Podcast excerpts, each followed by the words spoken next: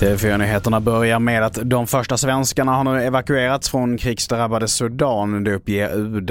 Och så här sa statsminister Ulf Kristersson på en presskonferens för en liten stund sedan. Halv ett i natt så kunde ett franskt militärt transportplan lämna flygplatsen med de evakuerade och flyga till Djibouti.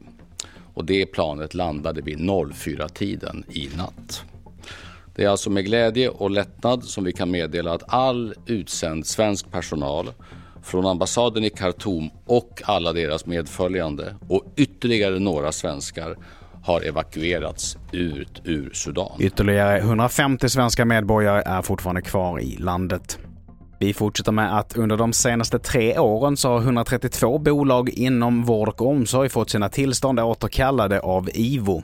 Det rapporterar Ekot. Bolagen har av olika skäl inte ansetts lämpliga att bedriva verksamheten. Och majoriteten av bolagen som fick sina tillstånd återkallade arbetade med personlig assistans för personer med funktionsnedsättningar.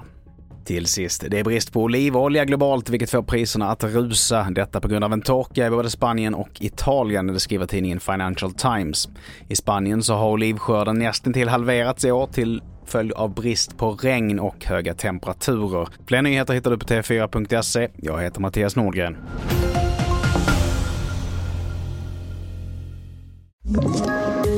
Poddtips från Podplay.